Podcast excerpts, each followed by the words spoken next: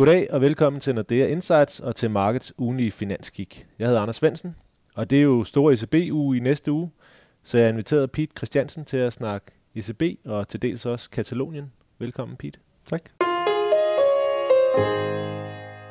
Vi kan dog lige øh, starte med den her uge. Hvad øh, har du egentlig bidt øh, mest mærke i ugen, der er gået? Jamen, jeg har bidt mest mærke i, at øh, vi har haft nogle øh, relativt øh, afdæmpede rentemarkeder, uændrede aktier over ugen og, og stort set uændrede valutamarkeder. Så alt i alt en, en uge, som sådan set bare er gået uden nogle nye, øh, nogle nye drivers. Øh, det er sådan set det, det helt store. Selvfølgelig er der det, der ligger under overfladen og lurer. Det er jo netop øh, Katalonien, som, øh, som du nævner. Og i forhold til, øh, til nogle af de mediehistorier, der har været fra, for, for 30 år siden med, med Black Monday og det store øh, aktie kollaps i, i USA. Nu er der jo ikke nogen af os to, der er gamle nok til at kunne fortælle røverhistorier fra, fra den gang, men, men det er jo virkelig en, en skærende kontrast nu her, at øh, vi ser aktierne i USA sætte rekord mere eller mindre hver dag, og vi har endda DAX over, over 13.000 nu her. Nogle af de øh, events, som, som vi har liggende i næste uge, altså ECB og, og Katalonien, altså de er jo selvfølgelig ikke store nok til at lave sådan noget Black Monday, men, men hvor store er de sådan egentlig i forhold til, til, til markederne, og, og hvor stor er risikoen for, at vi på et eller andet tidspunkt får et større, øh, en større korrektion på, på markederne? Jamen, altså, hvis, hvis vi starter med, med, med Katalonien, det har sådan set vist sig at være relativt øh, moderat i forhold til, øh, til, til risikoen på, på, på de markeder. Det har sådan set koncentreret sig relativt meget om, øh, om det, det sådan set katalonske obligationer, der har underperformet øh, i forhold til, til resten, ikke mindst også i forhold til, til den øh, spanske stat selv. Øhm, I forhold til, til, til aktierne og, og, og ECB med, så bliver det nok også meget begrænset. Altså, der er mange øh, kilder, der allerede har været, eller rygter, der går rundt i markedet, og derfor så forventer vi også øh, relativt uændret øh, over ugen, næste uge. Hvis vi sådan tager, tager Katalonien, hvad, hvad er det værste, der kan ske, set med, med et par markedsbriller? Jamen det, det værste, der kan ske, det er, at øh, Katalonien de bliver, de bliver uafhængige, hvis man kan sige det sådan. Fordi det, det river op i, øh, i noget, som kan sprede sig til, til resten af Europa. Og hvis vi bare kigger indre i, i Spanien i sig selv, så har du også Baskerlandet, der, der også har, der gerne vil være også selvstændige osv. Så, så der er nogle, øh, nogle følgevirkninger af, af det, der, der, kan, der kan åbnes der. Men altså i forhold til, til hvad, hvad, der, hvad der kommer ud her, her til morgen, hvor det, hvad det, regeringen og, øh, og Socialistpartiet øh, i opposition, de er sådan set blevet enige om øh, de store linjer i forhold til den der såkaldte artikel 155, hvor at, øh, den spanske regering kan, kan, øh, kan sådan set gå ind og tage kontrollen over Katalonien. Øh, den er sådan set, øh, de store linjer er blevet aftalt, øh, og i det ligger der blandt andet også et, et valg om, øh, om tre måneder. Det vil sige, at vi kan i løbet af sådan midten af januar, start februar, have et, øh, have et valg, hvor vi virkelig finder ud af, vil de, altså, vil de ind eller ud, forstået på en måde, når der skal være valg til parlamentet, så kan man se, hvilke, hvilke partier, der, der vil være de store og de små. Og nogle af de her historier om, at, øh, at øh, folk fra, fra Katalonien, de skal trække penge ud af, af de her par banker, der har troet med at flytte ud af, af Katalonien, det er ikke noget, som, som der sådan bekymrer dig? Nej, det, det er det ikke. Det er det ikke. Så er det jo den store ECB-uge i næste uge, og øh, hvad, hvad skal vi egentlig holde øje med i, i forhold til, til ECB's øh, annonceringer af, deres, øh, af detaljerne omkring den her tapering, øh, som de skal i gang med? Altså, vi har jo, vent, vi har jo ventet på det på møde øh, i næste uge. Det har vi sådan set gjort siden det seneste møde, den, den 7. september. Øh, i, til det møde, der sagde de, at øh, størstedelen af, af beslutninger ville blive taget her, taget her i oktober med nogle detaljer, der vil følge i, i, i decembermødet. Det, vi skal lægge mærke til, det, det er to ting. Det er, hvad deres ordlyd er på, øh, på, på renten, øh, og ikke mindst også om deres øh, asymmetri i forhold til øh, obligationsopkøbsprogrammer. Det er længe ventet, at de kommer med nogle nye parametre i forhold til, øh, hvilket opkøbstempo de har. Det er jo sådan, at de, øh, de køber øh, 60 milliarder euro øh, om måneden frem til øh, december, og det, der sådan skal, skal debatteres, det er, hvad byder 2018 på.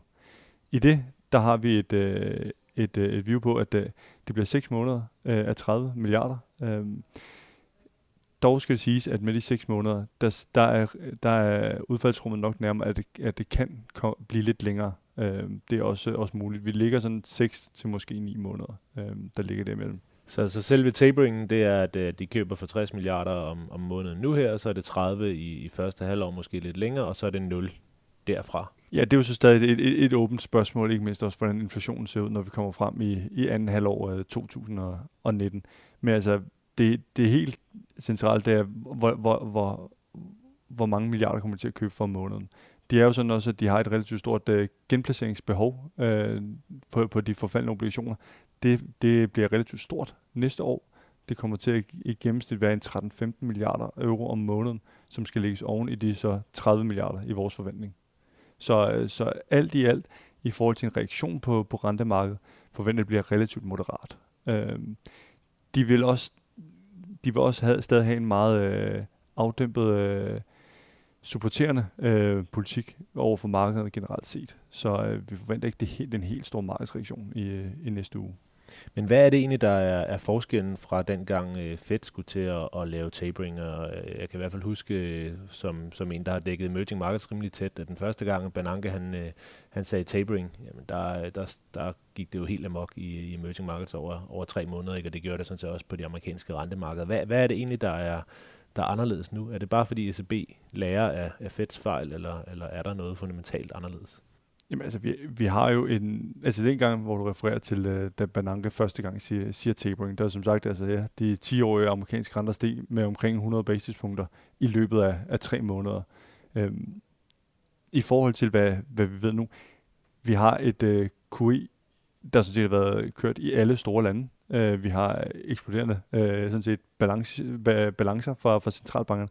Så den overskydende likviditet, den skal placeres et eller andet sted. Og det koblet med, at inflationen stadig er relativt øh, moderat øh, over det hele, både i USA og i, øh, og Europa, jamen det gør, at, øh, at vi ikke forventer, at renterne kommer til at stige sådan markant.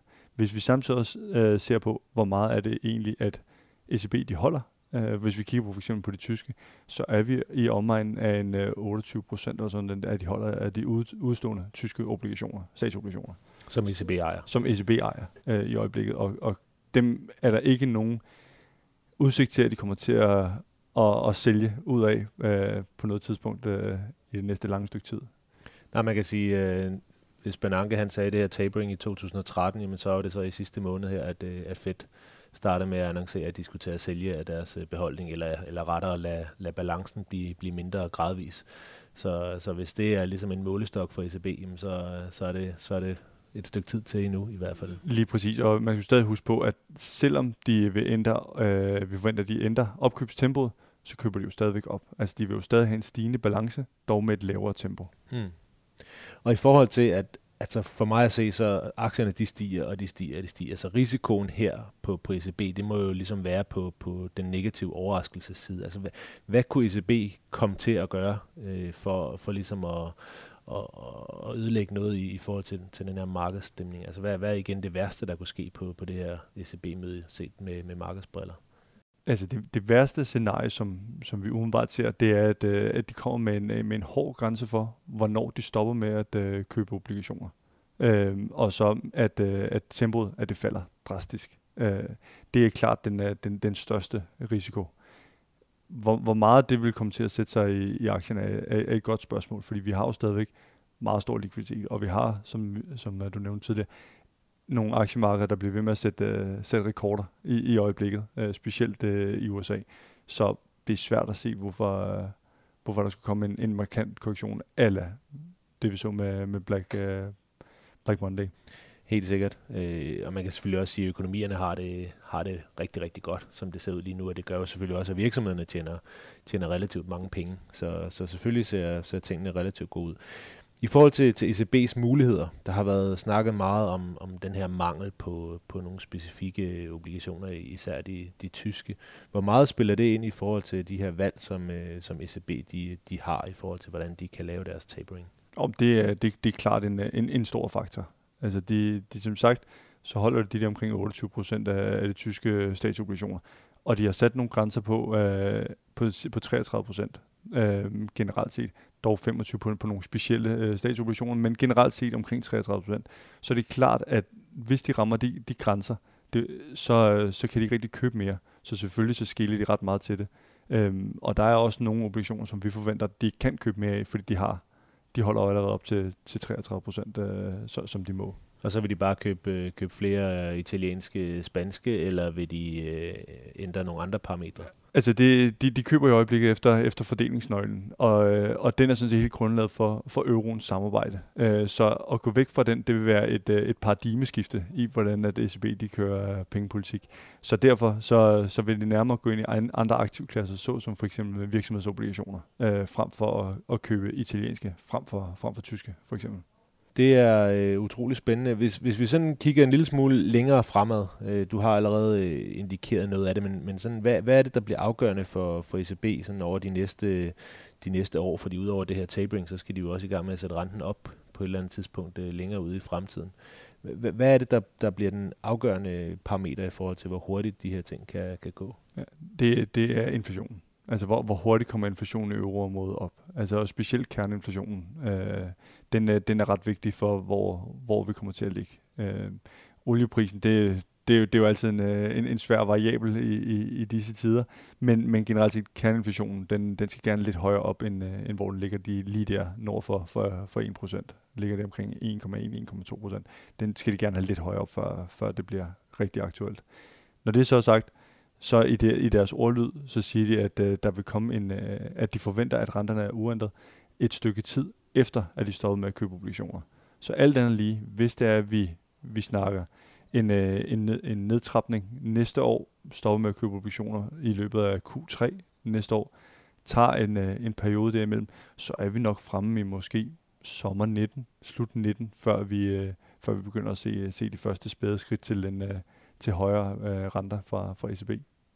Og hvis vi igen tænker på Fed som sådan en målestok, så gik der jo så et år fra, fra Fed satte renten op første gang, til de var i stand til at, at gøre det igen. Og nu er det egentlig først nu, at man kan sige, at Fed begynder at, at, at sådan have en retorik, der er i retning af, jamen nu vil vi bare gerne normalisere. Det er ligegyldigt, at inflationen er, har været en lille smule lavere ind over sommeren og så videre. Nu, nu vil vi egentlig gerne bare have, have renterne højere.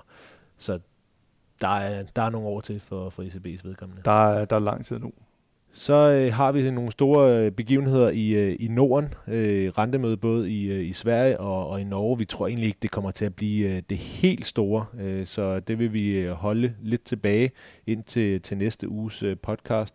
Og så skylder vi måske lige en op, opfølgning på, på Kina hvor vi jo snakkede meget i, i sidste uge om den her store partikongres, og nu har Xi Jinping jo så holdt sin, øh, sin tale, og det blev en, en fire timer lang tale, øh, hvor der som lidt som forventet ikke var sådan de helt store øh, nye ting. Stadigvæk en masse fokus på, på reformer, men det var der egentlig også for, for fem år siden, og i virkeligheden er det mere implementeringen, som, som bliver det afgørende for, for markederne. Rigtig stor fokus på, hvor meget magt har øh, Xi Jinping egentlig, hvordan rangerer han i forhold til, til Mao og Deng Xiaoping, øh, som er sådan de, de mest magtfulde kinesiske ledere i, i nyere tid men alt det er jo mere politisk relevant. Øh, det, der er afgørende for markederne på den konto, er, hvad har han egentlig tænkt sig at bruge den magt til? Og, og det ved vi simpelthen ikke mere om, end vi gjorde for, for en uge siden. Det var alt, hvad vi havde i, øh, i den her uge. Tak fordi I lyttede med og på genhør i næste uge. Og hvis jeg skal komme med en anbefaling til, hvad man kan læse lidt op på, så ligger der to analyser ude på, på e-markets, e-markets.nordea.com, på, på ECB, øh, og Pete har lavet det ene af dem, som er en lille smule mere for, for fejnsmækker, og så ligger der også et, øh, et generelt skriv om, hvad vi, hvad vi venter i næste uge. God weekend.